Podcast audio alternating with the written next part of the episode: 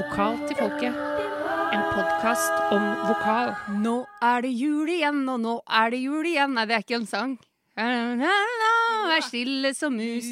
Er det sånn 'nå er det jul igjen', og nå Ja. Nei, het, er, det, er det teksten sånn? Nå er det jul igjen, Nei, og. Nå er det barnetimen. nå kommer barnetimen, Nå nå kom- kommer er barnetimen. Hysj, hysj, hysj. Det er ikke noe med jul å gjøre. Det har ikke noe med jul å gjøre i det hele tatt. Nå er det jul igjen, Nå, Nå er det jul igjen, og jula varer helt til påske. Hei! Ja, det var litt eh, Det var, det var jo for så vidt litt av det samme, liksom, eh, tendensen. Men likevel en slags eh, dårlig kopi. Ja ja. Apropos kopi. I dag så skal du og jeg snakke litt grann om trender, Mari. Det skal vi Ja, absolutt. I episode tre av Vokal til folkets podkast, yep. sesong to. Fordi vi har rett og slett fått Kristin Asbjørnsen, selveste, på besøk. Som vi har vært stor fan av i mange år. I mange år.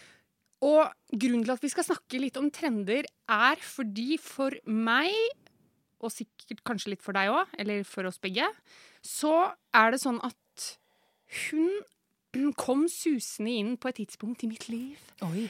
ja, eh, når det var på en måte litt sånn at veldig mange rundt meg sang litt sånn likt. Ja. Yep. Og så kom hun susende, og så sang hun litt sånn helt annerledes. Og det var veldig spennende og helt, noe helt nytt. Em, og det, det skal vi snakke litt med Kristin om. Mm. Men, eh, men eh, jeg syns det der er litt interessant i den sammenheng å, å begynne å snakke litt om det med trender. Ja. Fordi, og da er vi jo inne på de da som sang veldig likt. Ikke nødvendigvis på hun som ikke gjorde det, men, men det med trender i tiden, og at det fins en del vokaltrender, har jeg lagt merke til. Spesielt som sangpedagog, kanskje. At Oh yes. noen år så er det på en måte Beyoncé-vibben som er eh, Mhm. veldig populær. Og så kan det være glottisansats på hvert ord som kan være populært og gjelde i kanskje ett og et halvt år. Mm. Og så dukker det opp nye sånne trender. Man ser, jeg ser det veldig fort hos, hos unge elever, da. Ja. På en måte hva det er som er in, og hva det, hva det er som skjer akkurat nå. Mm. Og da kan det være Da kan det være i Norge. Det kan være trender her i Norge. Det har jeg lagt merke til, at det hender at det dukker opp ting her. Og så kan det være internasjonale trender. For det er klart at nå som verden har blitt så liten og internett og sånn, så er det jo noen artister som får mye spilletid, og som på den måten har muligheten til å påvirke unge folk verden over. Og da kan det jo oppstå en del sånne større trender. Mm. Har du tenkt noe på det med trender? Ja, det har jeg tenkt veldig, veldig mye på. Ja, der kan du se. Så liker vi. Ja, det, det starta egentlig da jeg sjøl begynte på, på liksom bacheloren min i rytmisk musikk. Så la jeg plutselig Eller det var ikke den dagen, da, men i løpet av de seks åra som jeg studerte, så la jeg merke til det at veldig mange av de sangerne som hadde studert under spesifikke sangpedagoger, hørtes likens ut. Og det grubla jeg litt på, fordi at det er jo selvfølgelig eh, lov å la Ja. seg inspirere, virkelig. Og det er, det er mye bra læring i å gå inn i noen andre sin på en måte musikalitet Mm. og bli der litt. Men så må du kanskje trekke deg ut. Og så la jeg veldig fort merke til det med eh, artisten Bjørk. Ja. Som da har lagd sitt eget uttrykk. Mm. Elsket og hatet. Ja. Eh, men som er hennes eget, og da tenker jeg at da er det greit. Ja. Så kommer det veldig mange som har latt seg inspirere i den retning at de eh, bruke andre instrument i sin musikk, og kanskje skrive om litt andre ting enn de gjorde før de hørte på henne. Mm. Hun har jo et ganske rikt tekstunivers, Ja. og hun har jo jobba veldig eh, veldig alternativt med opptaks... Måten hun tar opp musikken og sånn på. Eh, men så har du dem som da plutselig er fra, fra liksom fra Kløfta. Og har, og har islandsk aksent. Ja. Eh, og så har du dem som plutselig da òg legger seg til en måte å synge på. Du vet måten hun, når Bjørk liksom har de der skrika sine. Ja, ja. Når hun liksom hun setter an med full stemme, og så knekker hun over. Plutselig så gjør alle sammen det. Og så er alle sammen veldig sånn her! Litt sånn, ikke sant? Og så Jeg husker det veldig godt, Ja. at det var en periode hvor det var salty ocean! Sånn der. Og da tenker jeg ja vel. Um, og da blir jeg litt sånn herre Ja, men du lurer ikke meg, skjønner du, fordi at du Med mindre du har Hvis du er halvt islandsk og bor på Kløfta, så får du bare kjøre på. Men for meg var det litt sånn derre Og jeg var nok ganske sånn geriljapedagog i starten, for jeg var veldig opptatt av å på en måte å få det vekk, og luke Ja. det vekk. Og jeg har luka bort ganske mye Rihanna Vibrato, Britney Spears-ansats, og jeg har jo luka vekk veldig mange som bare synger da i i nøytral, hvis du skal bruke et CVT-ord, luka vekk. Men de siste, de siste, og det er dessverre ikke så mange åra, men de siste kanskje ja, fem Månedene. Nei, nei, nei! Vi snakker år! Ja. Kanskje de siste fem-sju åra så har jeg, når jeg har da eh, Jeg har jo gått hardt ut Mm. på mine elever, men så har jeg villet fått dem til å reflektere om hva er det egentlig du gjør nå. Ja. Hvorfor føler du at du skal liksom eh, knirke deg inn på den tonen her? Og for ved å knirke seg inn på en tone, så har man på en måte lagt liksom premissene for hva slags sjanger man er i. Mm. Og hvis du skal synge en vuggesang, Ja. så vil du liksom ikke si Soro, lille venn. Du gjør ikke det. Selv ikke jeg ville gjort Nei, det. sant? Altså, og du vil heller ikke si 'nå er kvelden over'. Du gjør jo ikke sånt. Nei. Eller noen gjør det kanskje, da, men det syns jeg ikke du skal. Men hvis du har lyst til å få et barn til å sove, så synger du jo ganske clean, ikke sant? Ja. Og da, som jeg prøver da å si til de der, dem som tar timer med meg, og som jeg òg av og til må si til meg sjøl, at men hva gjør du nå? Gjør du det her fordi at det er fordi du syns det er fint når de andre gjør det, Mm. eller gjør du det fordi at du virkelig har tenkt, satt deg inn i sjangeren og funnet ut at nei, men det beste for mitt uttrykk nå, det beste for tolkningen av låta her, er hvis jeg knirker meg inn. For det må Mm. du gjerne gjøre hvis du vil det. Litt sånn som vi snakka om. Du eh, har jo allerede gitt tillatelse til det, Ja. hvis man vet hva man gjør. Ja, ikke sant? Så Nei, og det, men jeg hører det fortsatt, og jeg må si at Og nå er det sikkert noen som klikker på meg, men da får folk bare klikke. Eh, men jeg, jeg hører jo fortsatt av og til hvem du har hatt som lærer. Eh, Ikke du, Ja, da, men uh, sangere rundt. Og det kan være sangere som på en måte er Ja, som er, som er over 30, og som Mm. på en måte har, uh, har jobba noen år. Så hører jeg liksom Å ja, men du har hatt Du har tydeligvis hatt et par år hos den pedagogen. Mm. Du har hørt mye på den sangen. Og det Det er, van det er vanskelig skille, da, tenker jeg, og også som sangpedagog. Det der med at man skal på en måte få elevene til å tenke, og man skal kanskje luke bort, som du sier, litt sånne um, Valg som Mm. tas ubevisst. Ikke, ikke for å luke dem bort for godt, men kanskje bare få eleven til å kunne, kunne gjøre det både med og uten. Ja. Ja, de, de elementene. Men, men samtidig så skal man få lov til å på en måte utvikle sitt eget uttrykk. Det er en Mm. vanskelig balansegang, ikke sant? Og altså eh, Ikke meninga å avbryte, Nei, men, nei, eh, nå avbryter vi jo begge men, hverandre. men en annen ting da, som gjør at det her blir litt vanskelig, er jo alle de der sangkonkurransene på Ja. TV. Fordi at der, hvis du går på scenen og ligner på noen, så får du skryt. Ja. Å, dette var kjempebra! Det er- akkurat som å høre Adele. Hvis noen har sagt det til meg, at det er akkurat som å høre, som å høre Adele, så hadde jeg blitt så lei meg. For Ja. da hadde jeg jo ikke vært meg sjøl, jeg hadde vært en kopi. Fordi det er, det der, den der greia med Å, nå merker jeg at jeg blir engasjert. Ja, ja, Det greia med, for det det greia med særpreg. ja, det er jo et ord. Verdens, verdens mest feilbrukte ord Ja. i sang og musikk eh, er jo at hvis du Ofte så syns jeg det er sånn at de dommerne, hvis de hører noe de liker, som på en måte For eksempel hvis du, hvis du har sånn Rihanna-vibrato, Mm. Eller hvis du har litt sånn eh, Litt, litt sånn hæs stemme. Ja, ja. De er El- veldig glad i hese Veldig glad i hese stemmer. Eller hvis du òg har tatt det trikset med at du synger engelsk, men bytter ut all r-en med j. Og har litt sånn derre My height is lonely Sånn der synging. Eh, så bare Å, herlighet, for et særpreg. Men da skal jeg få lov til å minne folk på at særpreget ditt er jo strengt tatt din stemme helt clean. Det snakka Maria Rosanna Wennersten òg om Ja. på det Unge Stemmer. Stemmer-seminaret vi var på her i, eh, i november.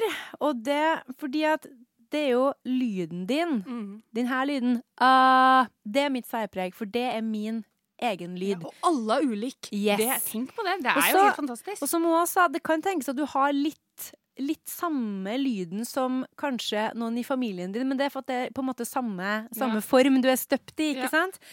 Uh, men, men hvis jeg liksom skal legge på sånn her Ja. Jeg ser over fjorden.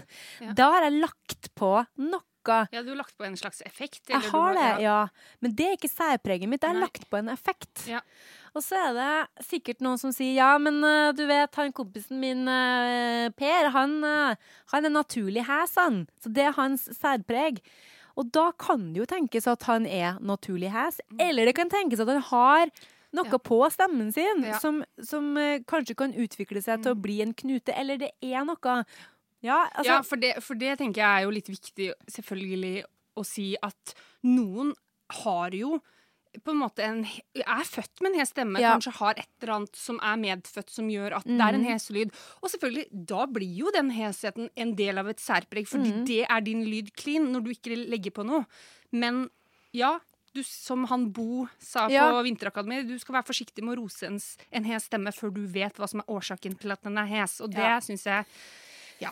Det Jeg er viktig det, her. altså. Og jeg syns at alle sangpedagoger bør eh, kanskje gå en runde med seg sjøl når man tenker på hvordan man underviser, at når eleven synger en sang, er den bra fordi at det høres nesten ut som Rihanna eller eh, ikke minst Bjørk og eh, hun lead-vokalisten i High As A Kite. For jeg merker at for hun hun Ingrid Helene Ja. Håvik, hun har jo en veldig sånn distinkt eh, et musikalsk uttrykk, da. Ja.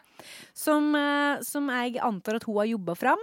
Og så det kjøper jeg. Mm. Men så kommer det sånne spirer som Ja. covrer High As A Kite, og som plutselig òg har samme musikalske uttrykket. Og så d- Er det greit å kopiere andre på den måten der og gjøre det til sitt eget? Og så får du skryt 'Å, du er, du er like flink som vokalisten i High As A Kite'. Nei, du bare hermer etter. Shout-out to. Ja, men det er bare Det plager meg, altså. Ja, jeg skjønner, jeg skjønner hva du mener.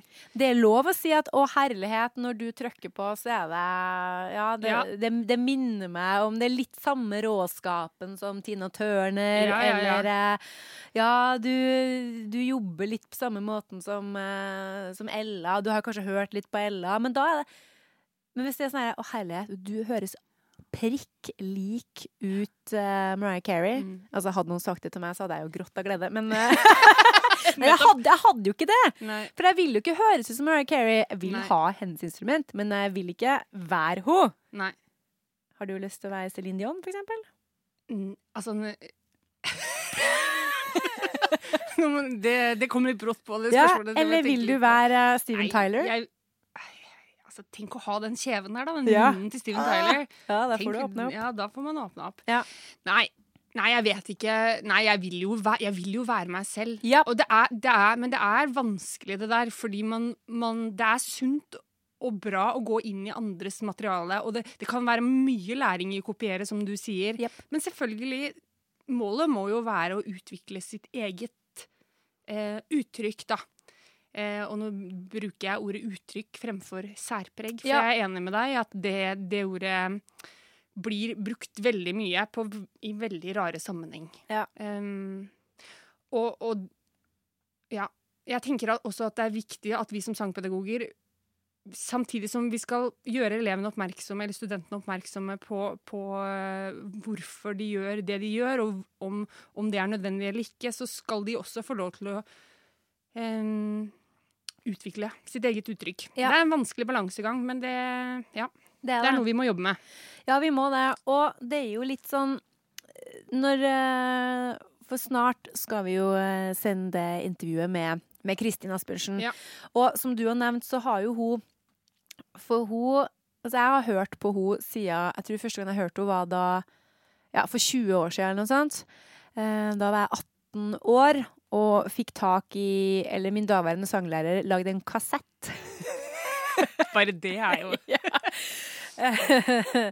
En kassett med Kvitretten, ja. vokalgruppa til Kristin. Og så sa hun du må høre på hun, eh, hun ene der. Hun med, hun med, den stemmen som skiller seg litt ut. Det er Kristin Asbjørnsen. Mm. Hun må du høre på.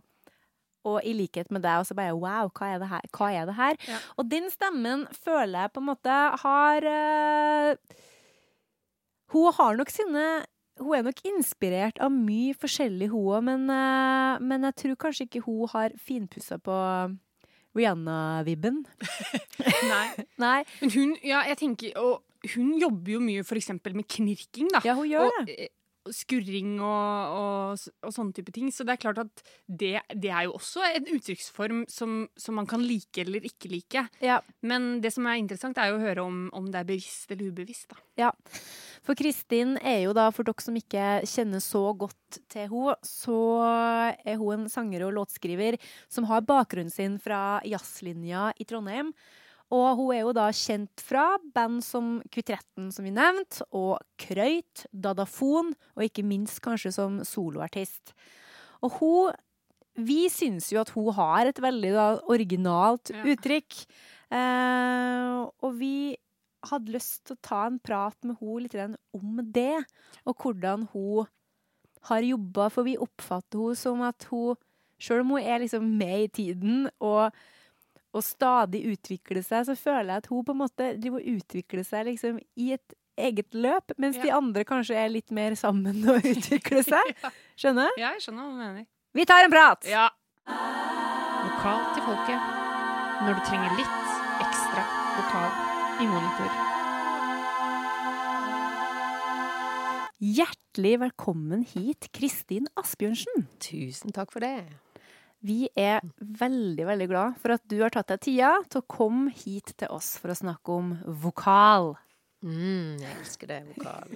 Så bra. Så bra å være her. ja, men det er helt topp. Da har vi liksom en god, en god start. Ja.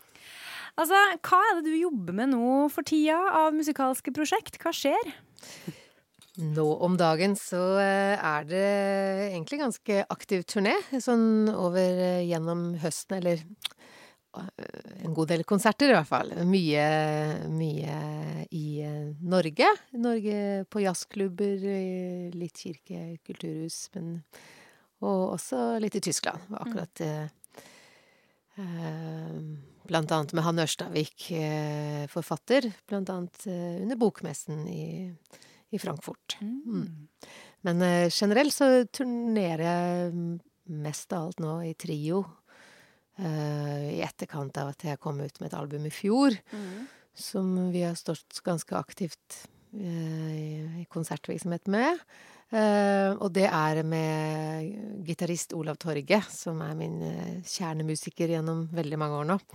Og Kora spiller fra Gambia, og Griot Sunto Susso. Ja. Yes.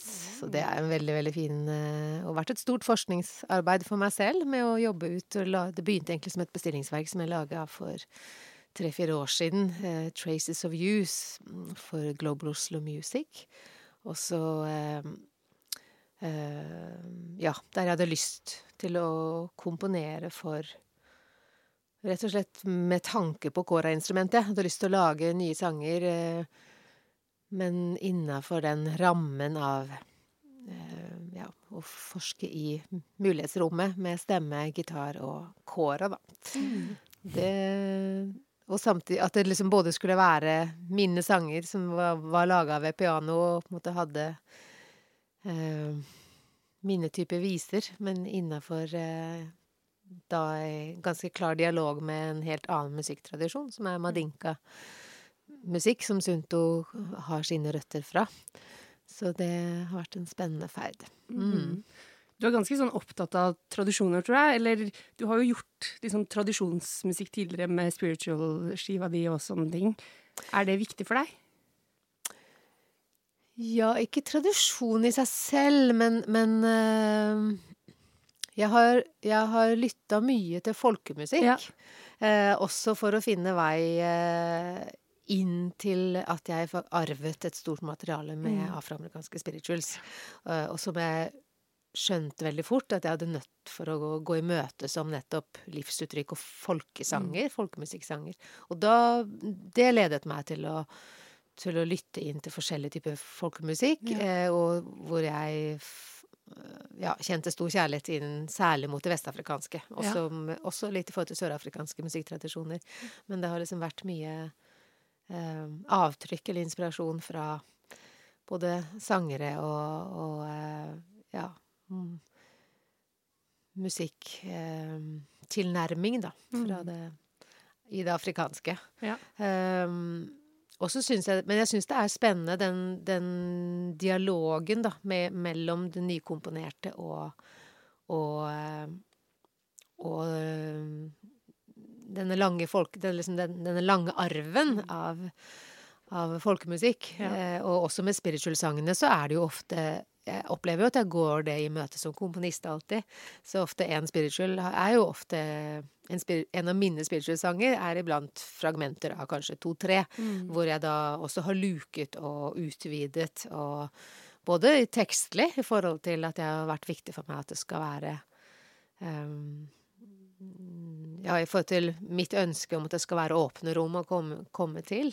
Mm. Eh, og, og, musikalsk, med at jeg iblant har kjent at jeg ønsker en ny del, eller Ja, så den type uh, kompositorisk bearbeidelser og utvidelser er mm. liksom en del av, av, arbeidet også med det gamle stoffet. Ja. Mm. Påvirker det synginga di også? Ja, altså det, det at jeg fikk møte Ruth Riis, som mm. jo var hun jeg arvet dette materialet av. Altså, mm. Ruth Riis var en, en, av de aller første afroamerikanske personene, vil jeg tro. Faktisk i hvert fall musikerne som kom til Norge på 50-tallet.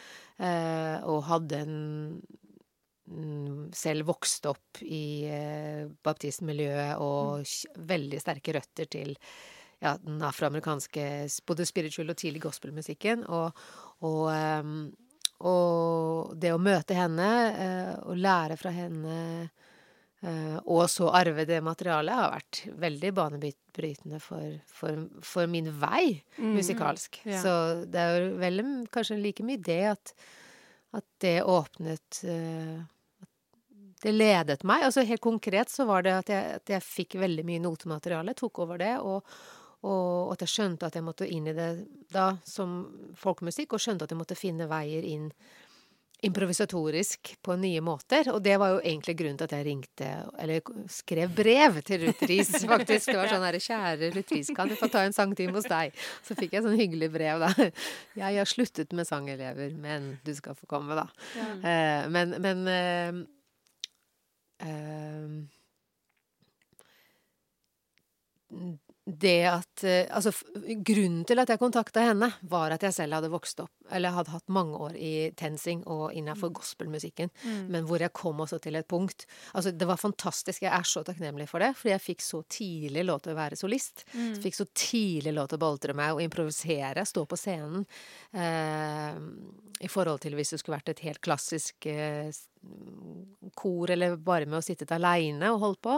Så det, det, det, at jeg fikk lov, den muligheten til å, til å ja, rett og slett øh, øh, være improviserende så tidlig, øh, er jeg veldig, veldig takknemlig for.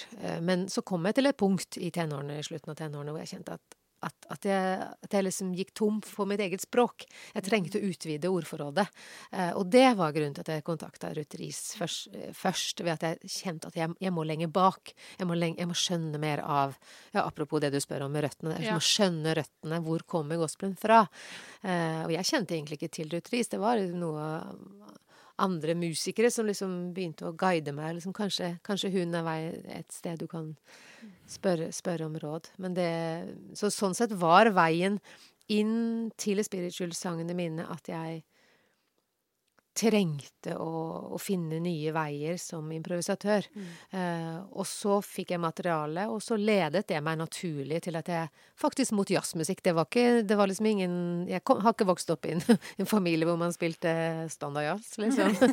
så, men, men, det at rett og slett veien var at jeg, jeg skjønte i møte med de sangene for å finne Og da hadde jeg også møtt Tord Gustavsen. For samme i 1990, hvor vi Det er jo 30 år til nå snart. Og hvor vi vi begge på en måte liksom ønsket å finne veien inn i dette stoffet. Uh, og begge, for begge blei det veien inn til jazzmusikk. Og som ledet oss begge mot oss og mot uh, jazzlinja i Trondheim. Og, så det var liksom veien. At jeg skjønte at oi, jeg må ja. her, her, må jeg lære mer om faget improvisasjon. Uh, ja. Så, så ja, så det har jo, vært veien. Ja. ja. Og så har det jo vært med meg da i ulike konstellasjoner. Det mm. hadde vel ikke så, ja, ikke så mye spirituals egentlig krøyt, men i Dadafon, bandet mitt som jeg jobbet i mange år, hentet jeg etter hvert mer inn. Og så ble det Ja, nå begynte vi å snakke om spirituals, da, men det ble liksom veien til at jeg etter hvert satte det også mer på Da har det jo vært viktig for deg, ikke bare som vokalist, men som musiker, rett og slett. Veldig. I tilnærming. Og, og, og, uh, også som en sånn uh, Altså, jeg arvet jo Jeg pleier å si at jeg arvet to store bæreposer med noter. For det er, liksom, det, var, det er veldig konkret materiale, og det er et stort materiale. Og det har jo også ledet meg til å lete i nye samlinger på universitetsbibliotek og uh, ja, i flere land, på en måte, etter å finne mer materiale. Uh, men Eh, veldig ofte så har jeg tatt en sånn en gang i året-runde eh, inn i stoff. Og, og, det er jo fascinerende hvordan nye sanger kan åpne seg eh, på nye måter i forhold til hva jeg trenger, eller i forhold mm. til hvor jeg er, eller hvilke impulser jeg har da. Så det har også vært en veldig spennende ferd å, å liksom snu bunken. I, og det har vært nyttig og, i forhold til utvidelsen av materialet. At, at eh, sanger kommer til meg på ulike vis. Og så har det vært viktig inngang også til låtskrivingen min, absolutt. Men så hvor gammel var du da, da du bestemte for å kontakte da Ruth Reece for, fordi du hadde lyst til å liksom grave, grav mer i røttene? Hvor gammel var du da? Uh, det var uh, Det var vel uh, jeg var vel 18-19 år, for det var ja, ganske Det, det, ja, det, det, det syns jeg er veldig imponerende, ja. da, for det er ikke alle 18-19-åringer som, som sitter og tenker at åh, nå må jeg gå i dybden på det her. Hva er gospelmusikk? Jeg vil mer, ja. ja. Jeg må jobbe med mitt improvisatoriske uttrykk. Det, det er jo, ja Jeg kjenner 30-åringer som ikke har kommet så langt. ja, jo da. Jeg, eh, men jeg hadde jo holdt på en stund, så for meg så var det jo at jeg da hadde hadde vært mm. i den Jeg begynte jo å ta sangundervisning da jeg var 13, og jeg mm. var jo på en måte solist. Jeg, liksom, jeg har sunget veldig mye, jeg ja. vokste opp som prestedatter og ble fòret med salmer. Salmesang og Fra jeg kunne lese mitt første ord, så var det å sitte som forsanger. Gaule på. Så, så jeg har jo på en måte Sånn sett så var jeg jo da hadde jeg jo vært lenge mm. i den verden. Jeg hadde faktisk Jeg var jo innafor gospelmusikken. Jeg var jo På den tiden så var jo også kristen pop, gospel-terrenget ganske sånn etablert. Og jeg mm. hadde mange år i Kragerø, hvor skjærgårdsgospel mm. var eh, stort. Det var jo kjempestort med store amerikanske gospelartister som kom hver sommer. Og, så jeg fikk jo vokse opp med det, og også hadde min egen faktisk sang, hadde min egen avdeling på Skjærgårdshospitalet da jeg var 13 år. Ja. Så jeg har på en måte litt den, hadde litt den derre På godt og vondt, altså. Det var, det, det var, ikke bare bra, for at jeg nettopp også med den bakgrunnen innafor det um, Ja, den på en måte forkynnende, så var det jo ganske tidlig, for det var jo ganske sånn alvorlig følelse mm. også. At, at, jeg hadde et ansvar som, ja. um, som på en måte å stå forrest på scenen i, mm. i opplevelse av å, å skulle formidle.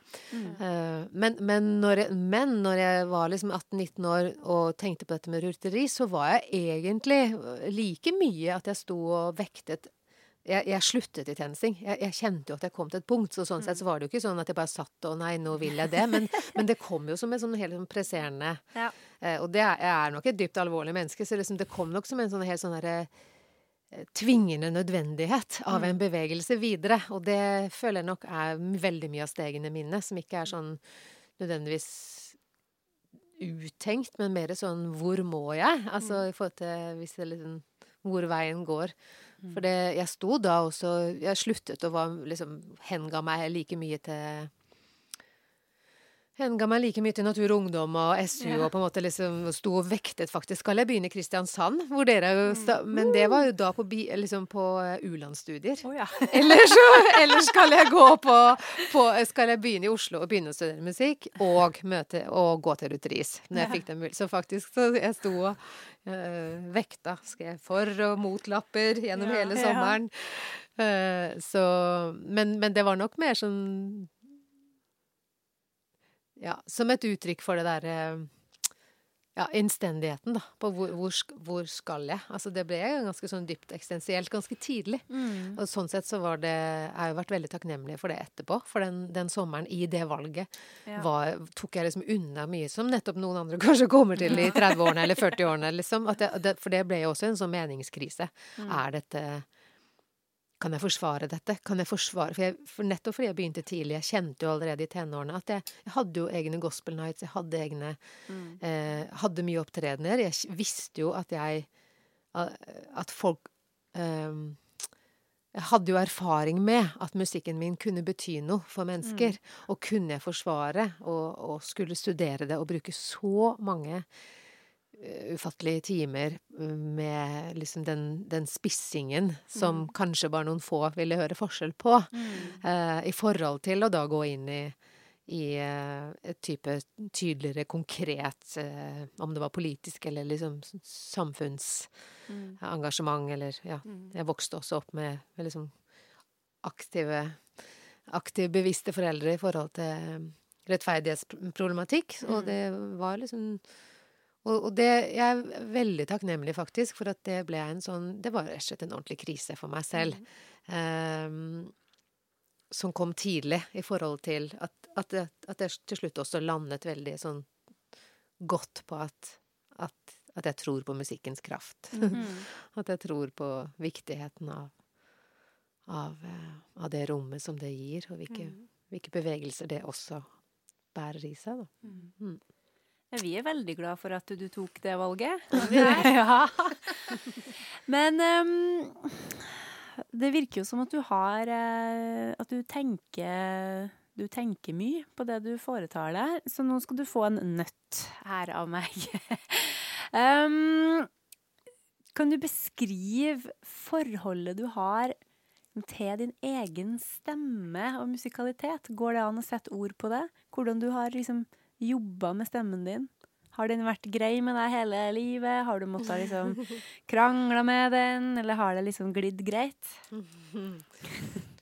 Ja, nei, gjett om det er en eh, Jeg har vel eh, ja, jeg har faktisk aldri tenkt på om jeg har krangla med den, men uh, Steike, det er ganske heftig å være stemme, stemmearbeider. det, det er det. Jeg har absolutt ofte ønsket mer enn jeg har fått til. Altså, for det er jo det som Og det, det smalt ganske tidlig for meg, faktisk. Som 16-åring så fikk jeg en hevelse på stemmebåndet. Rett og slett fordi at jeg bare ønska så mye mer enn jeg hadde teknikk for. Ja. Um, men det spørsmålet du stiller der, er, jo- er jo veldig stort, liksom. Men, men det jeg umiddelbart tenker på, er jo, er jo eh, Ja, altså, stemmen er jo så nært. Det er, liksom, det, er, det er noe paradoksalt i at det både er noe man jobber med og skulpturerer, og jobber med litt utafor seg selv, fordi det, fordi det handler jo om uttrykket. Eh, og samtidig er det jo så fundamentalt stort del av, av meg og livet og kroppen, og, og avhengig av, av helheten også. Um, i forhold til uttrykk, så Altså bare helt sånn kort så tenker jeg at jeg ehm, Jeg er jo opptatt av flertydigheten på et eller annet vis. Altså jeg jobber mye med å skulpturere et uttrykk. Det, er liksom det, det sammensatte er jo liksom, man, eh, liksom mikrouniversene også i stemmen er veldig viktig for meg. Uh, dynamikken Jeg jobber jo med både store kontraster som liksom, Altså stemmene har mye dynamikk, både som klare kontraster og også som sømløse overganger.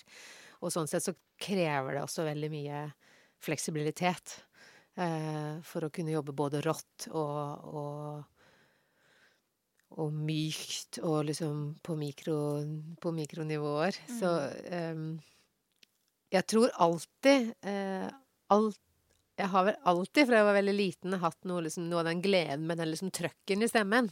Mm. Eh, og var nok også sikkert noe av det som gjorde at det smalt ganske fort også. Så veien dit har jo vært eller veien derfra har jo vært gjennom et stort arbeid, må jeg si. Rett og slett sangteknisk for å finne ut av det. Og, og, og jobbe med kropp og jobbe med, med livet og på alle måter. Mm jeg er så gammel, så jeg vokste opp på den tiden hvor man ikke kunne ta noe annet enn sang klassisk når man gikk ja. og studerte. ikke sant? Nå har det jo endra seg veldig. Mm. Uh, men det er jeg glad for, for jeg øvde veldig mye klassisk gjennom hele videregående. Og, og selv om jeg aldri liksom bruker det lenger, så var det Er det Tror jeg jo på den ressursen vi har som sangere til å jobbe med melodier. Ja. Vi, vi, Nå sier jeg vi, jeg vet Dere er jo så unge, så det har liksom på en måte Å, har jo kommet takk, tidligere. Hyggelig sagt av deg, Kristin. Det er jo sant. Og, og, vi har jo men det er, jo, det er jo annerledes nå. For, at, for klart når jeg kom på, ja, til jazzlinja som 22-åring, så kom, møtte jeg Jeg følte meg jo gammel da jeg møtte med alle disse 18-19-årige gamle guttene. Mm. For, for, da hadde jo Jentene begynte jo litt seinere ofte. Eh, fordi vi Fordi det tok lengre tid før vi kom inn i Begynte å jobbe med faget improvisasjon, ja. håndverket. Som, for det var jo det man måtte søke på linje med de andre guttene. Det med å klare å møte mm. eh, At man søkte jo som improvisatør, og ikke, ja. ikke som sanger. Mm. Derfor var det jo også ofte flere at man ikke hadde vokalister. Ikke man valgte jo ikke mm, på instrument, men på, på eh, ja, improvisasjonsmulighetsrommet, da. Mm. mm.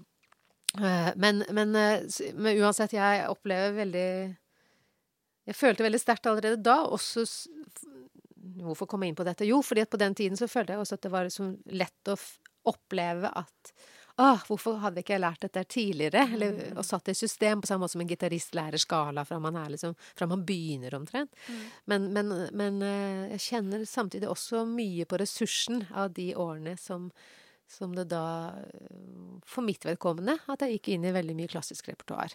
Uh, men jeg skulle snakke om sangteknikk, og det uh, Jeg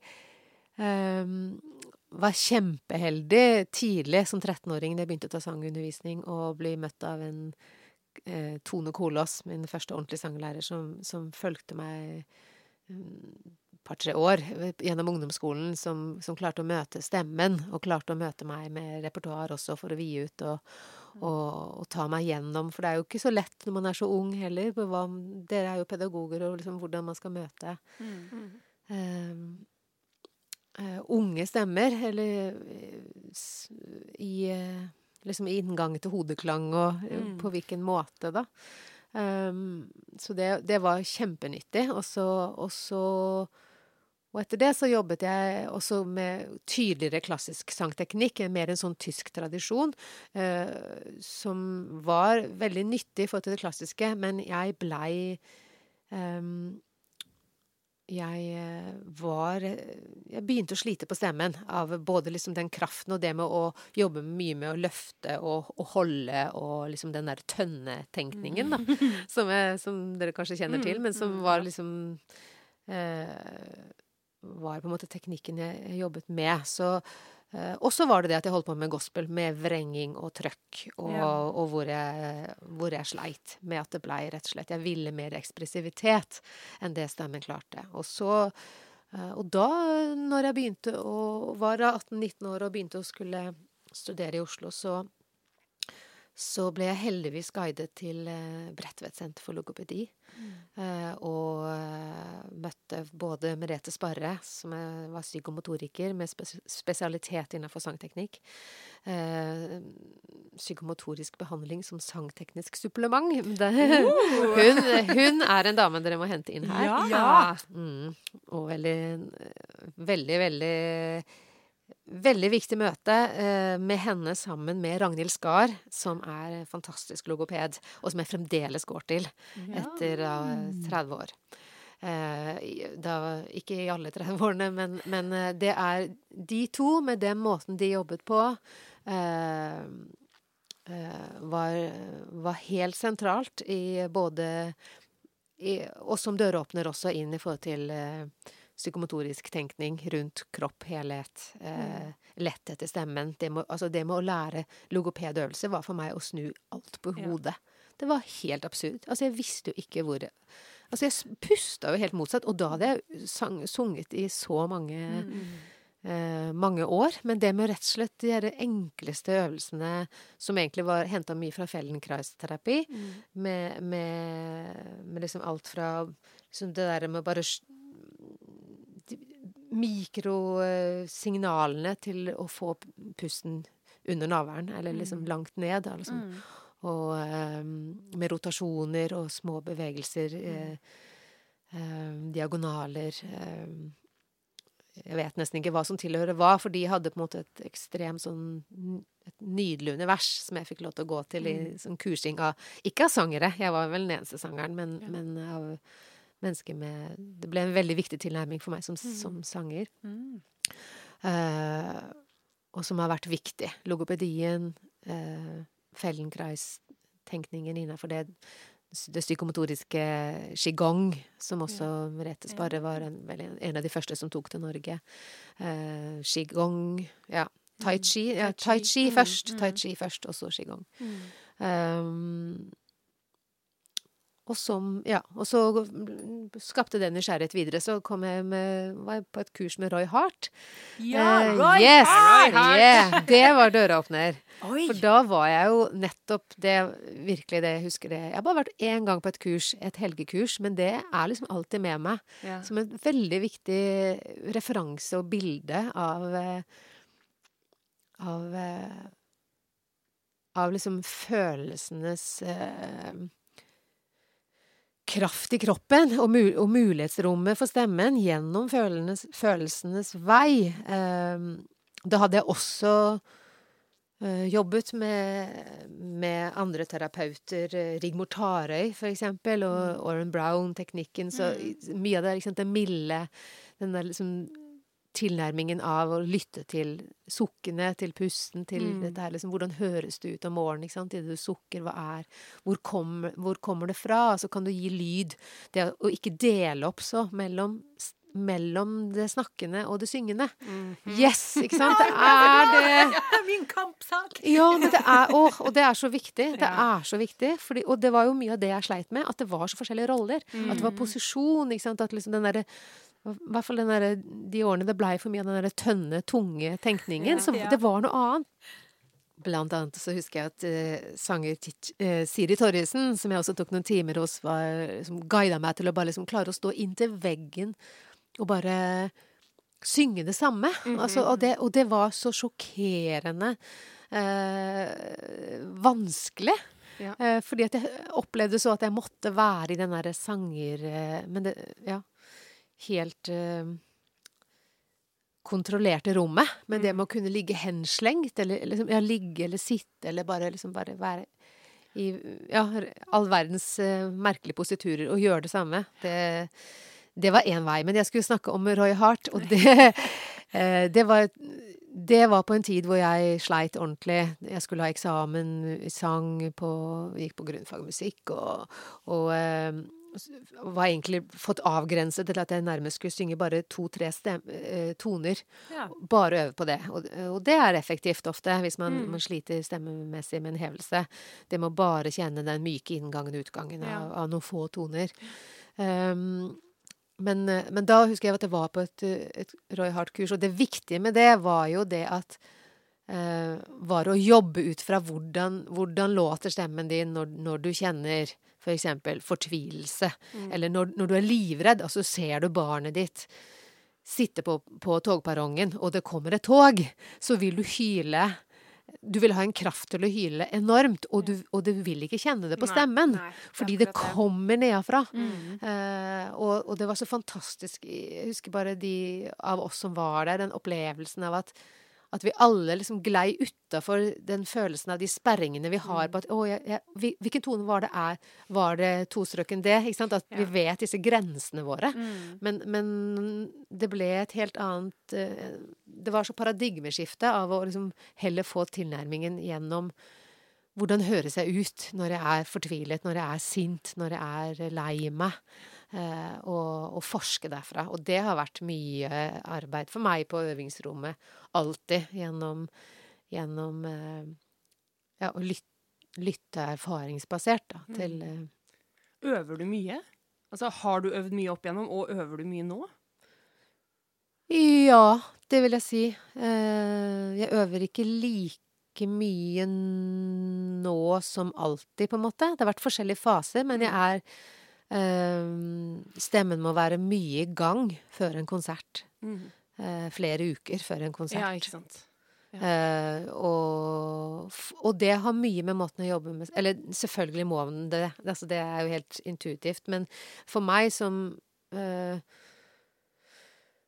I måten jeg jobber stemmen på Jeg føler ofte at jeg jobber som en klassisk sanger, med at uh, I forhold til hvilket eh, liksom spenn og hvilk I forhold til eh, For selvfølgelig, der, der er man jo Sang er så mye. Eh, noen har kan jo jobbe mer sånn viseaktig, hvor, du, hvor det nesten bare ikke trenger å øve i det hele tatt. Eller, altså, ja, det er veldig forskjellige tilnærminger.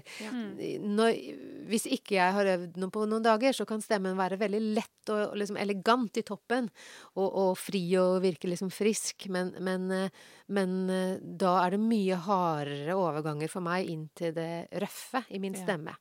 Så jeg må rett og slett arbeide også opp en type eh, I og med at jeg har så stort liksom, spenn på det, liksom, det med at jeg bruker skurr aktivt, eh, så må jeg akkurat som at jeg må jobbe ut en sånn type eh, ja, motstand eller en, en spenning, da. Ja, en tjukkelse opp i, i, i liksom muskulaturen og stemmen rundt det, rett og slett. Og, og få opp den slik at jeg For jeg ønsker å kunne gå sømløst inn og ut av av, liksom det, av det myke fellet, så blir kontrastene bare større. Og jeg, jeg liker de kontrastene, men jeg liker også de myke overgangene Ja. i det. Mm. Så, men, men, eh, men jeg har jo jobbet på forskjellige måter. Eh, eh, liksom I hele, alle tenårene så var det liksom sånn at jeg alltid selvfølgelig Eller jeg hadde en sånn følelse av alt, alt Jobbet vel alltid et par timer om dagen med stemmen uansett. Og selvfølgelig ofte mer, men den, det var jo mye på en type oppvarming og, og mye av den liksom klassiske teknikken. Og så er det jo, er det jo hele improvisasjonsfeltet er jo det andre, ikke sant? Og så eh, og, og iblant i faser hvor jeg har jobbet mye med det, f.eks. med skalating og alt sånt der, så er det jo det å finne veier som gjør at man ikke sliter ut stemmen. Fordi at eh, og, og det også med låtskriving, men å sitte ved piano og jobbe med skala, f.eks., har jo liksom perioder vært veldig slitsomt for meg med stemmen. Altså fordi at det har vært så nødvendig å gjøre det musikalsk, men at det blir liksom i, i, eh, i eh, kontrast til, til eh, vedlikeholdelsen i stemmen, på en måte, som også trenger restituering, da. Ja. Så, eller, det, eller også fordi at da, i hvert fall for meg, da, hvis jeg sitter ved, mye ved piano, så så kan det ofte være liksom mer belastende i, i liksom muskulaturen, da. Til. Så det, det er jo liksom en sånn sangteknisk utfordring noen ganger, når man har behov for å jobbe masse timer med Med musikalske Ja, ting. ja. Ja. Og, det, og selvfølgelig er det jo mm. Ja. Men, men stemmen må være Må være liksom veldig jevnt i bevegelse. Eh, mm. Og i det hele tatt selvfølgelig kroppen. Jeg, for meg er jo liksom kroppen veldig ank... Altså jeg, jeg begynner alltid å jobbe mye på gulvet. Ja. Jeg jobber mye med ja, med Feldenkrais og, og uh, tøying, rett og slett. Og så mm. Så det er fors forskjellige universer. Det ene er jo, er jo er jo liksom den type tøying, pust, kjenne at pusten kommer ned på forskjellige måter. Det kan jo være alt fra meditasjon til liksom til qigong til men, men alltid for meg også på gulvet. Eh, og, og så er det jo liksom oppvarmingen, og så er det jo det musikalske. Ja. Eh, så liksom den bare oppvarmingsbiten for meg er, er liksom er jo et, et strekk som man må være i over Ja. tid. Og veldig viktig. Jeg bruker flaske, for eksempel blåseflaske, Ja. veldig mye. Ja. Kjempemye. Jeg tror ikke jeg hadde klart stemmen Eller jeg vet ikke jeg hadde klart det med måten jeg jobber med skurr. Eh, hadde jeg ikke brukt den. Nei. Jeg bruker den kjempemye. Hvordan bruker du det når det kommer til skurr? Jeg tror mer bare at det er så belastende. Ja. Eh, At det blir jeg avslappende. eh, Mm. diskuterte det med en øre-nese-hals-spesialist også, så, så fikk jeg liksom veldig bekreftelse på at det var nok veldig nyttig eh, Ja. at, for meg, fordi det gjør jo at stemmebånda måtte få fri. At den, det var et sånt Mm. fint bilde av eh, som jeg fikk av at det er jo som at man ligger og flyter i vektløst i vann. At man gir den inn Eller gir stemmen helt den Mm. den friheten. Da. Og jeg, jeg vet ikke, jeg tror ikke det er så mange sangere eller, det, det han fortalte meg, var at eh, det er overraskende få sangere som bruker det så mye. Altså, det er jo en, kommer jo inn fra logopedien, og jeg Mm. har jo trodd at veldig mye sangere tar det kanskje mest på rytmisk Ja. eh, bakgrunner. Men, eh, for det, var jo, det fantes jo ikke når jeg, når jeg begynte i logopedi heller. Så, så det er jo noe som har vært de siste kanskje 15 årene. Mm. Jeg blåste i flaske første gang hos logoped. Ja. Og da var det det var Solveig Slettahjell som sendte meg til logoped. Jeg må jeg alltid gi henne en shout-out. det Yes, bra Solveig. ja, det Solveig som sendte meg til logoped. Eh, takk, Solveig. Ja, for det var helt fantastisk. Mm. Og, og det er jo egentlig veldig rart. Den, og den flaska må vi komme tilbake til. Vi har skal om det. vi skal komme tilbake ja. til den flaska. Vi må ta en prat om den. Men, eh, men det med skurr, da.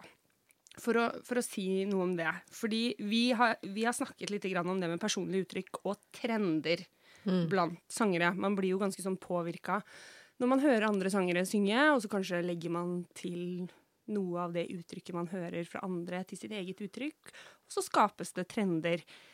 Og vi har følt eller Mari og jeg har snakka om at vi syns at når, du, når vi hørte deg første gang, så var du en litt sånn motstykke til de trendene som var Det som liksom var rammene for hvordan man skulle låte akkurat da. At du liksom hadde din egen greie.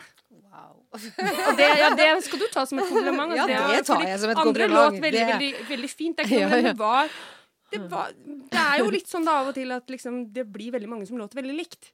Og du kom, og jeg tenkte bare hva i all verden er dette her? Og skurringa er jo selvfølgelig Den har jo vært der hele tiden. Eh, og den det, Jeg skjønner jo når jeg prater med deg nå at dette er jo sikkert noe du har et veldig bevisst forhold. Jeg skulle spørre deg om er det med pe- personlig uttrykk, hvor bevisst er du på det? Jeg tror du er ganske bevisst på det, det høres sånn ut. Men la meg heller vri på det spørsmålet da, og spørre hvordan forholder du deg til trender? Altså, forholder du deg til det i det hele tatt, eller, eller liksom Tenker du kun på ditt eget uttrykk hele veien? Det var vanskelig, det. Altså, jeg har faktisk aldri tenkt på trender i forhold til sanggreier. Altså, jeg, jeg tenker bare på klær. Så, så, du, du kunne spurt meg om det, liksom. Men, men, men eh, det er faktisk veldig morsom inngang, for det er for meg veldig fremmed. Ja. Mm. Men, men jeg er vel bare helt sånn enstøing inn i mitt eget univers. Men eh, selvfølgelig er jeg jo preget av, eh, av sangere. Ja. Og, og, eh, og det har jeg jo både gjort bevisst og unngått noen ganger. Eh, og det er helt logisk, det du sier der. Og, og at man hører på noe, så tar man til seg noe. Der må jeg si at jeg har vært så heldig fordi Tilbake til det med at jeg lærte sang gjennom klassiske noter, og fordi jeg arvet et stort materiale med spirituals. Hvis jeg skulle sittet og bare hørt på gamle tradisjonsopptak og, og, eller eh, Altså, jeg er elendig på å lære meg en låt fra en annen artist. ja. Det, det funker ikke. For da For det tror jeg akkurat det, da kommer jeg det,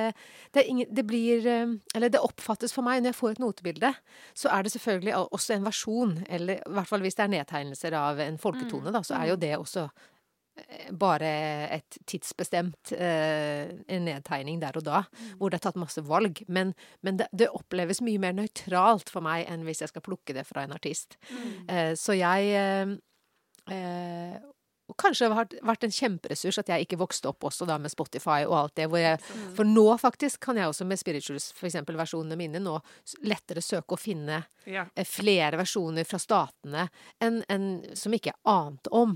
Og det har nok faktisk for meg det er, all, jeg, det er jo kjempeviktig med alle disse referansene, men, men eh, noe av det har kommet eh, helt naturlig for meg gjennom den veien. Men jeg har kjent de få, få gangene jeg har måttet lære meg noe gjennom en artist, hvis jeg skal lære det, at det er kjempevanskelig. Altså så, så ja. Så det ja. Så jeg forstår veldig at man, at man plukker opp mye. Eh, og særlig unge sangere nå i en eller annen sånn R&B Altså at man Ja, på At det har mye jeg vet du, jeg er ikke så god på å prate om den biten, fordi at jeg kan eh, jeg, jeg, men, men sånn stilistisk så har jeg aldri vært god nok, på en måte, eh, på den sånn å kunne gå inn i en sånn type helt sjanger, sånn sett. Men det har du Eh, ikke trengt heller. På en måte, Du har nå gjort din greie, og det Jeg har har- funka veldig bra. For å si det sånn. Det har vært mitt felt. Det er Ja. det på en måte egentlig det eneste jeg har vært interessert i sjøl.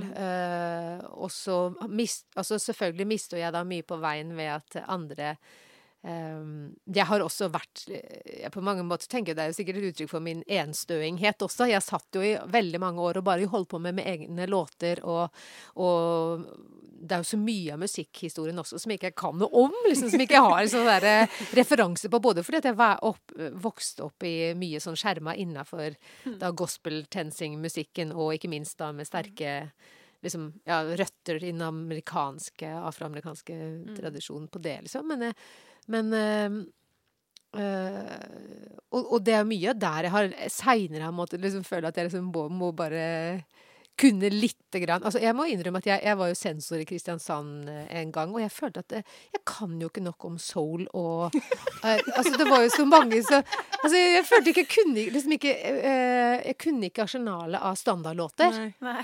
Fordi at jeg ikke hadde hørt nok på det. Så jeg måtte takke nei de neste gangene. For jeg følte er- det, det her skal ikke jeg gjøre. For det var jo så mange i hvert fall Ja, da, ja, som, det som, som, det var jo en veldig sterk kompetanse på det feltet. Ja. Uh, og, men jeg, jeg kan ikke alt av Stevie Wonder, liksom.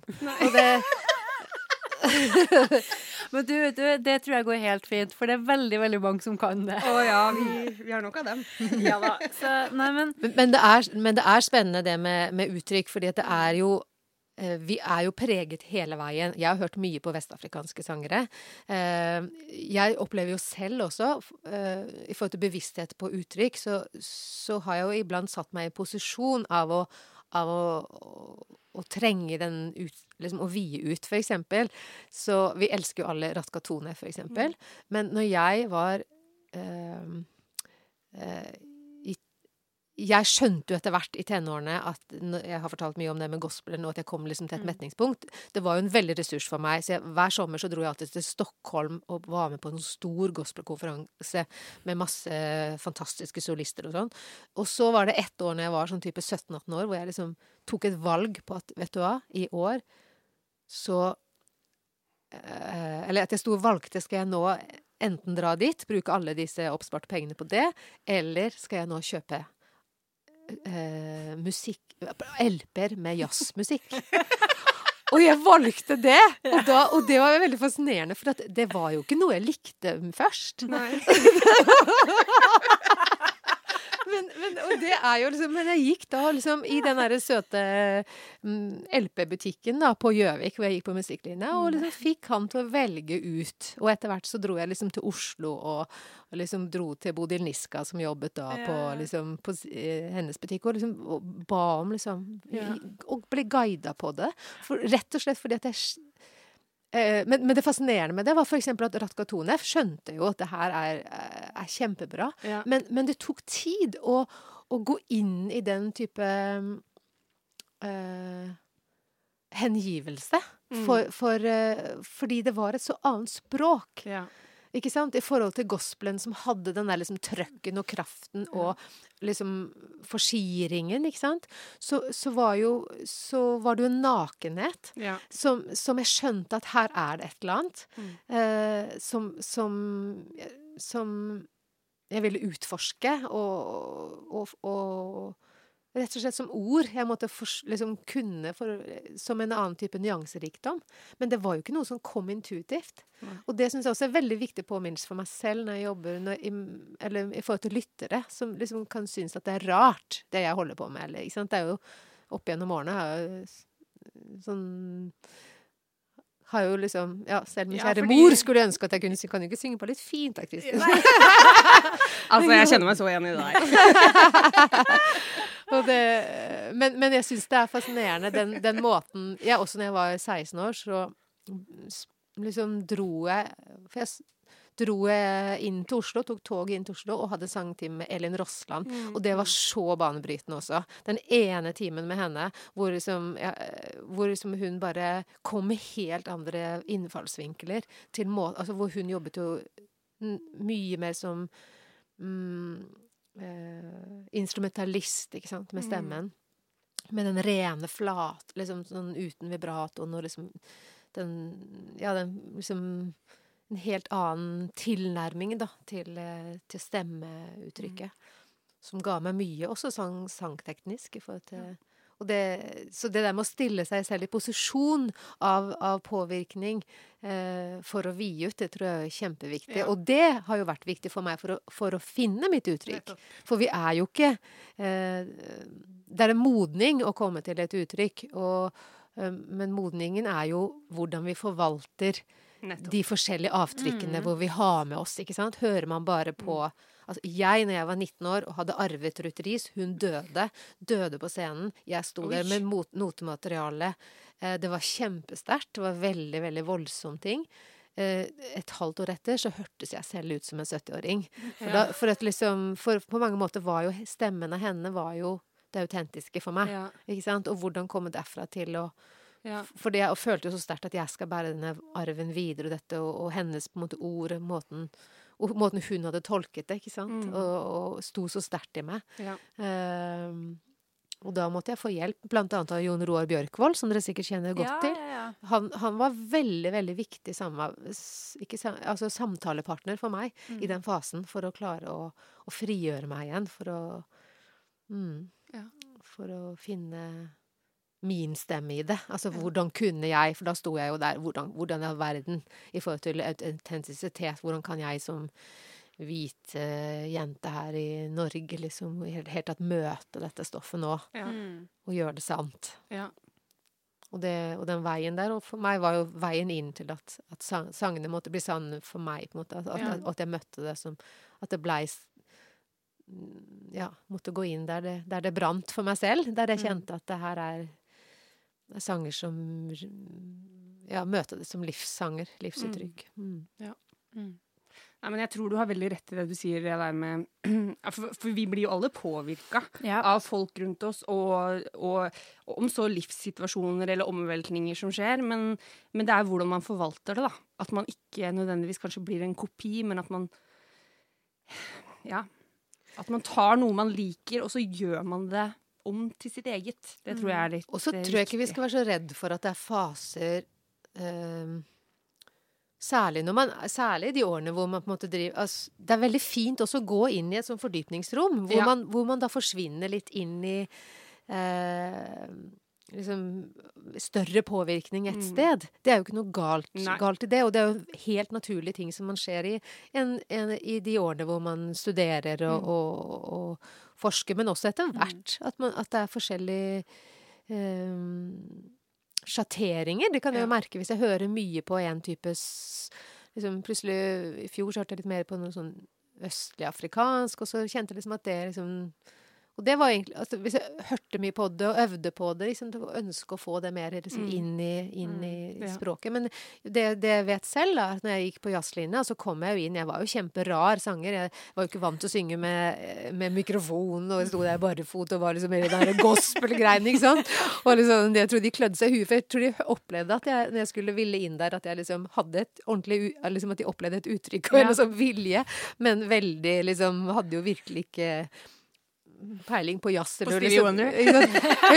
nei, nei, nei, nei, og der var det vel mer sånn der bebop, liksom. Ja, sånn. Jeg fikk jo streng beskjed, for jeg ble nummer to første året da, så fikk jeg beskjed av Jon Pål Indreberg, den store guruen på saksofon, du, du må hjem og lære deg eh, chat, eh, chat-synging, liksom. Skatting. Eh, du må liksom lære deg bebop, husker jeg. Og det var jo fantastisk. Og jeg hadde jo Sissel Endresen som lærer, og liksom Sissel, du må lære meg bebop! Jeg må internett! Og hun eh, Ja, ikke sant? Så det derre Hvordan møte meg Hvilke sang Ja, men hva er bebop-sanger, da? Og finne Ja. den veien inn. Men det, uh, men det som egentlig var uh, um, det, egentlig det, det jeg tenkte på, at når, når jeg hadde Når jeg hadde gått et år på jazzlinja, så jobbet jeg jo masse med Chet Baker, Miles Davis, plukka masse kor, ikke sant? Nettopp for den veien inn. eh, inn til det funksjonsharmoniske, for det var jo det som på en måte Det er jo der instrumentalisten har styrt så mye også, fra gammelt av. ikke sant? Det med at mm, Hvilke parametere som er, er viktigst i, improvisatorisk. Men det, og det var kjempeviktig for meg da jeg kom der. Det er jo det, det, er jo det viktigste jeg lærte de årene der.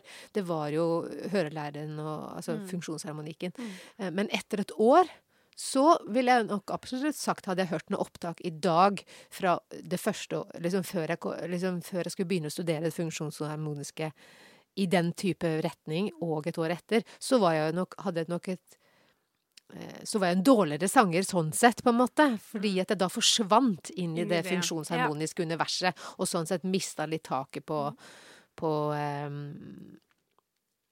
ehm, ja, altså Det er feil å si 'mista tak på uttrykk', for det er jo ikke sånn at det er liksom en, en egen ting. Men, men, Men det var men, det fokuset, tok lang tid. Ja. Altså Det måtte internaliseres før det kunne komme fram som en tydeligere ressurs. Mm. Altså Da føltes jeg på en måte mer eh, Da lignet det nok kanskje tydeligere på en del andre sangere, da. Mm. Eh, og, eh, og det på en dårlig måte, fordi jeg var liksom ikke noe god på det, liksom, eller sånn i den eh, bebop-sjangeren, liksom.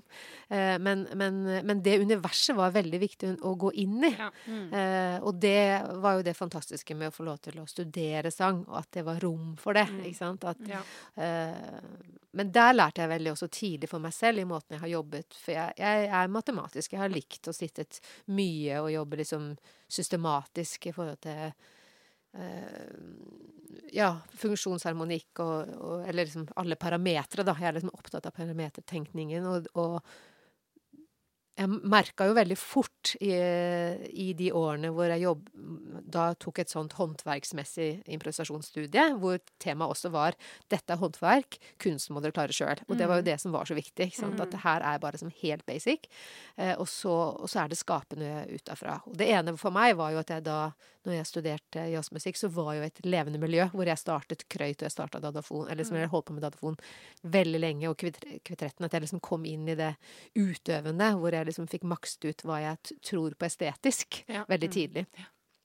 I, I konkret også med at jeg komponerte i det jeg holdt på med. Ja. Mm. Eh, Men jeg merket også ved øvingsrommet når jeg satt sjøl, at det var så viktig for meg selv hvis jeg satt og jobbet med liksom, nå skal jeg bare synge tersen i alle akkordene på denne sangen, eller Mm. liksom ga meg en sånn oppgaver at jeg på slutten av øvelser alltid måtte sette av litt tid til at OK, nå skal jeg bare lage den fineste soloen eh, jeg kan.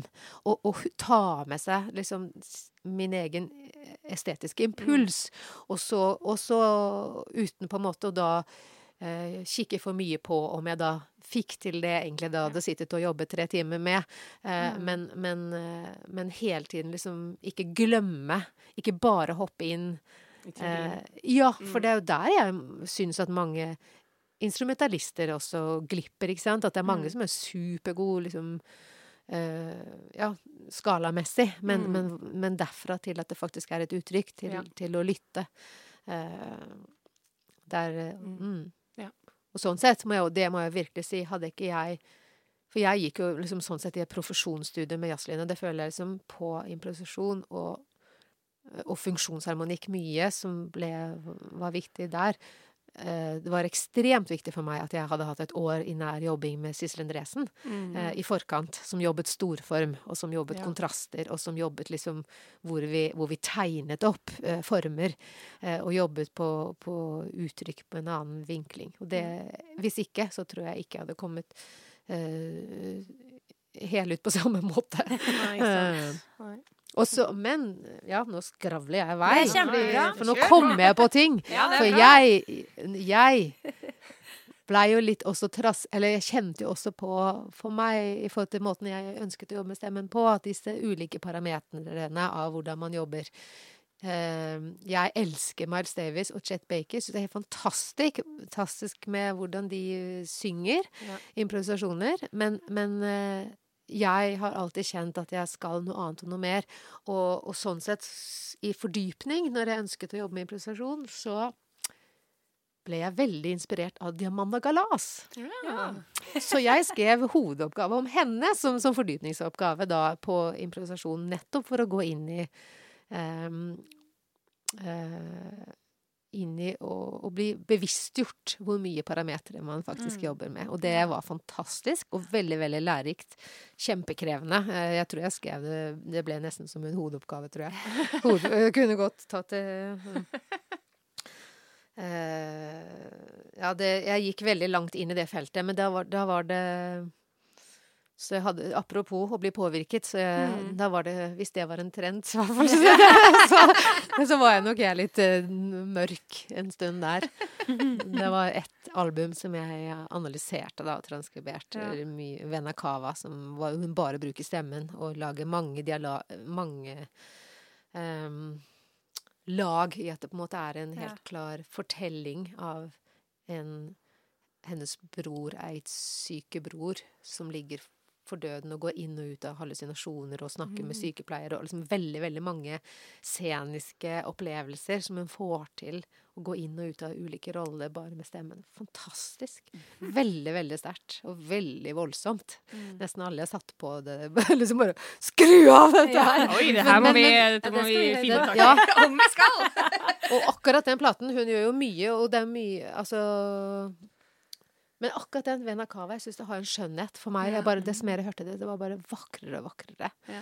Jeg satt en hel påske og bare hørte på den ene platen. Om igjen og om igjen, og liksom alle andre hadde reist til så, men, ja.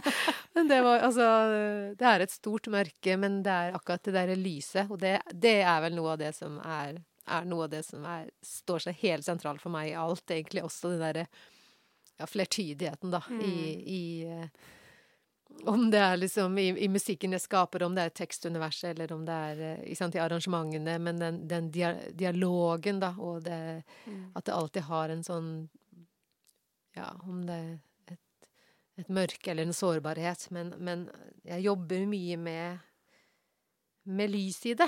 Altså jeg, jeg har jo også jobbet mye med ganske sånn eh, s- sorg, tapserfart teksttematikk. Eh, og mye, mye av det musiske tilnærmingen handler mye om å gi lys. Mm. Eh, og det er jo noe av det jeg er glad i med stemmen også. Det med å klare å Mm. Som er viktig. Det med å klare Og den skulptur... Jeg liker ordet skulpturering, egentlig, med stemmen ofte. For ofte har jeg ofte enkle tekster som repeteres. Og det er noe av det som jeg syns er spennende også. Det med at det kan få forskjellig lag av fortolkning, da. Og mulighetsrom også for at det er mulig å kunne komme til musikken med Å lytte seg inn til musikken på ulike måter i forhold til hva Mm. man trenger. Også for meg, der Ja. jeg er, da. Mm. Jeg, jeg har lyst til å spørre deg om én ting. Fordi du bruker jo en del effekter på stemmens skur, som du sier. Og er det noe Når starta du egentlig med det? Var det veldig tidlig? Og har du hatt noen form for opplæring i det, eller er det noe du har eh, funnet fram til selv? Jeg har absolutt ikke fått noe opplæring i det, nei. Jeg skulle gjerne hatt det. Ja. Jeg skulle gjerne Jeg har faktisk fått testet med liksom kabler inn, at jeg kan se når det Ja. skurrer.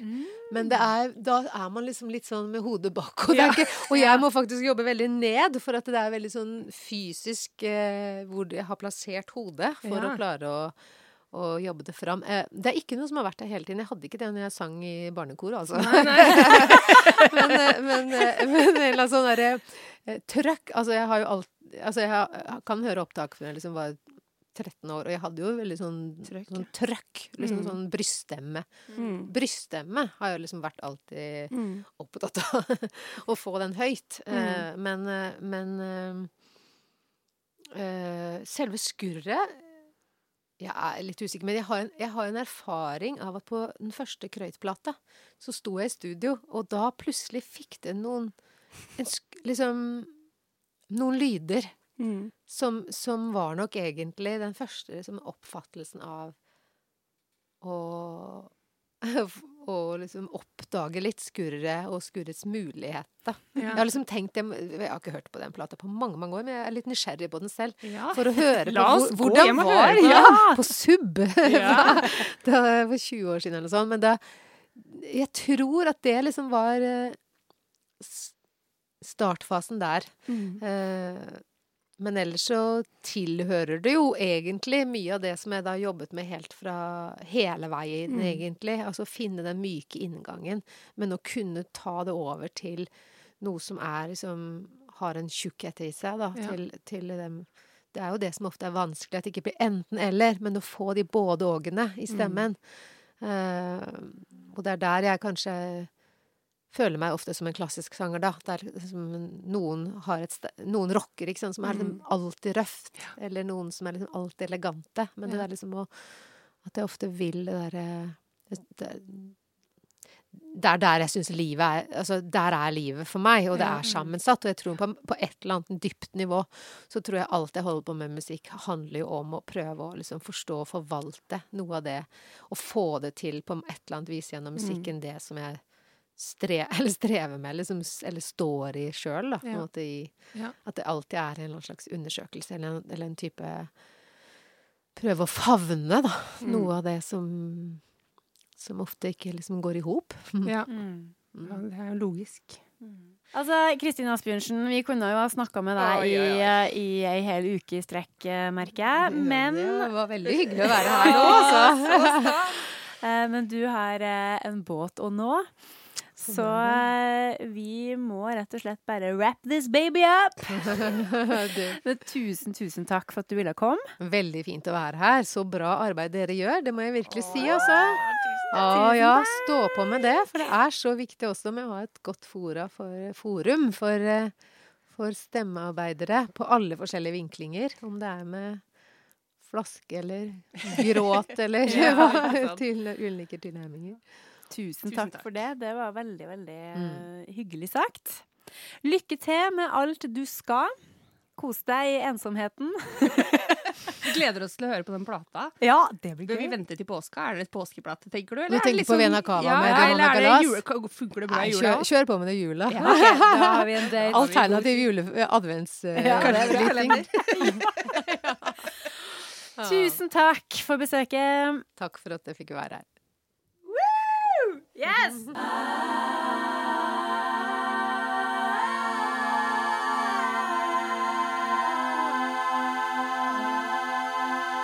Det var Kristin Asbjørnsen. Det var det, rett og slett. Gøy å få lov til å snakke med en gammel heltinne Ja, fra vår studietid. ja virkelig. Ja. Eh, Hun har jeg Altså, hun har jeg elska altså, som sanger Ja. så lenge. Jeg også. Så det blir Det er veldig rart at uh, hun har vært her Ja. og, og skravla med oss. Ja. Jeg syns det som var mest interessant med å snakke med Kristin, var kanskje at jeg ble så imponert over hvor tidlig hun, hun begynte, på en Mm. måte. Eller ja, hvor tidlig hun begynte å forske og, bli, og, og ville mer. Det, det syns jeg var, det var spennende. Ja. Hun starta tidlig, altså. Ja, og så har hun vært eh, utforskende. For når hun snakker om både Roy Hart og Feldenkrais Mm. og, og jobber med logoped og hun, hun er nok en nysgjerrig sjel. Ja.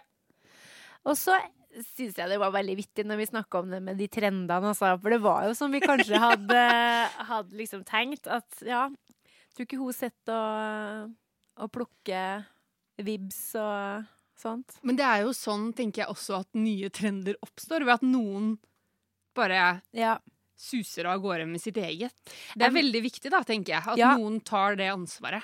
Jeg må jo innrømme at uh, etter at jeg var på min første Dadafonkonsert eh, på Ja, i Kristiansand i starten av 2000-året så var jeg plutselig ble jeg veldig opptatt av at jeg skulle ha med afrikanske liksom, perkinstrument. Og jeg har Ja. jeg jo drev og knirka litt Ja. da, fordi at jeg, jeg elska henne så høyt. Jeg hadde så lyst til å jeg hadde så lyst til å bli hun da. Ja. Men så Og jeg, jeg tror faktisk at jeg prøvde å skrive en Dadafonlåt. Altså, jeg tror jeg nesten jeg kopierte den. Er låt som heter Hva heter den? 'Raining', tror jeg. Jeg lagde en som heter 'Waiting'. som var, som, den var litt sånn samme greia. For jeg tenkte, åh, Det er så sykt bra Ja, låt. Hun sang så fint. Jeg hadde lyst til å ha akkurat det Ja. samme spennende. Uh, så jeg lagde det nesten likt. Tok jeg det med til bandet, og da var det en gitarist som sa har du, har du litt for mange ord på hver stavelse? For jeg klarte jo ikke Det var Anders Hofstad Sørås. Shout out! Ja, nei, så det Men det, det er bra at du sier, Mari, for nå har vi jo, var vi jo litt strenge på en måte i innledninga her. Og når vi Ja. snakka om trender, og det er jo fint å si at vi har jo hatt våre perioder, vi òg. Og Selvfølgelig har vi det. Det er litt viktig. Ja, altså, det, det er naturlig, og det skjer med alle. Ja, ja, ja. Så jeg prøvde jo å bli Kristin Asbjørnsen, og så har jeg jo vært veldig Jeg har jo hørt så sykt mye på Tori Amos. Ja. Så jeg har jo stadig prøvd å lage, lage hennes låter, bare liksom gjøre litt om på dem. Det er helt forferdelig. Men, men, det, men det var sunt. Men, eh, men på et tidspunkt så må du jo legge det fra deg, og Ja. bare bli deg sjøl. Ja, Vær deg selv. Det er eh, moralen i Ja. denne visa her. Ja. Rett og slett. Ja. Du, Mari, nå er det jul, nå er det jul, nå er det jul. Hva er det, er det noe julemusikk og god stemning? Ja, altså jeg, elsker, ja, jeg elsker julemusikk, og fordi at jeg òg har gjort litt sånn julekonserter tidligere her i desember, så begynte jo juleforberedelsene mine ganske tidlig. Så øh, jeg elsker julemusikk og øh, julevokal. Ja, for det er, er det en egen sjanger? Ja, det er, det er nesten så jeg vil Ja, det har ikke jeg tenkt på. Nå stiller du gode spørsmål. Mm. Julevokal? Ja, nei Ofte så, så prøv det. Hvis du driver med, med salmer og sånn kirkemusikk, så føler jeg at eh, en del sangere prøver å få et litt sånn sakralt preg Ja. på stemmen Angelic. sin. Ja, very angelic. uh, og så har du dem som er litt sånn herre Julen, julen, julen Det er litt mer meg. Ja, ikke sant? Det er jeg er litt mer på jovialbagen. Det Ja. blir Per Aspelin og Ja. sånn type vokal. Ikke Blåse sant? her. Ja. Men så liker jo jeg òg Altså, jeg er jo veldig glad i ehm, i Hans Rotmo sin Ja. Våres jul. Det er Jeg skal ikke si at det er den ultimate julemusikken for meg, men jeg er veldig, veldig glad i Mm. det. Uh, og når vi først nå da tydeligvis driver anbefaler juleting, Ja. så må jeg òg anbefale Annie Lennox. ja, det fra oss begge. Det Ja. har vi gjort tidligere òg, tror Ja, jeg. det tror jeg, men det, vi må bare gjenta det. vi må det, for, Den- for en plate. Ja, den er helt fantastisk, altså. Den er helt nydelig. Og ellers så har jeg jo da tenkt eh, altså Når vi er ferdig med å spille inn i poden her nå, så er det jo bare å fyre opp gløggen, finne fram mandolinen og la det stå til. Er det noe mandolin nå? nå? Julemandolin. Oh, ja, den, ja. hvorfor ikke? Ja, hvorfor ikke, for all del. Yes, men min kjære Frans, jeg ønsker deg ei strålende vokal jul. I like måte. Takk for uh, det her eh, flotte vokalåret. Tusen takk for, eh, for et megaår. Megaår. Ja. Skal vi si det sånn Å ja. Det er bare sånn. Ja, det er. Så da ønsker jeg dere, kjære lyttere og vokalentusiaster, ei god og fredfull jul. Tusen takk for all gode bidrag gjennom det her gledens år 2019. Jeg satser på at vi høres bra. Satser på at vi høres på nyåret. 2020 kommer like rundt i hjørnet, og da blir det mer vokal. Flere svelgsnørere. eh, Ringbrusk, vibrato, eh, knirk, eh, baklukke. Og ellers alt som hører et godt år til. God jul. God jul.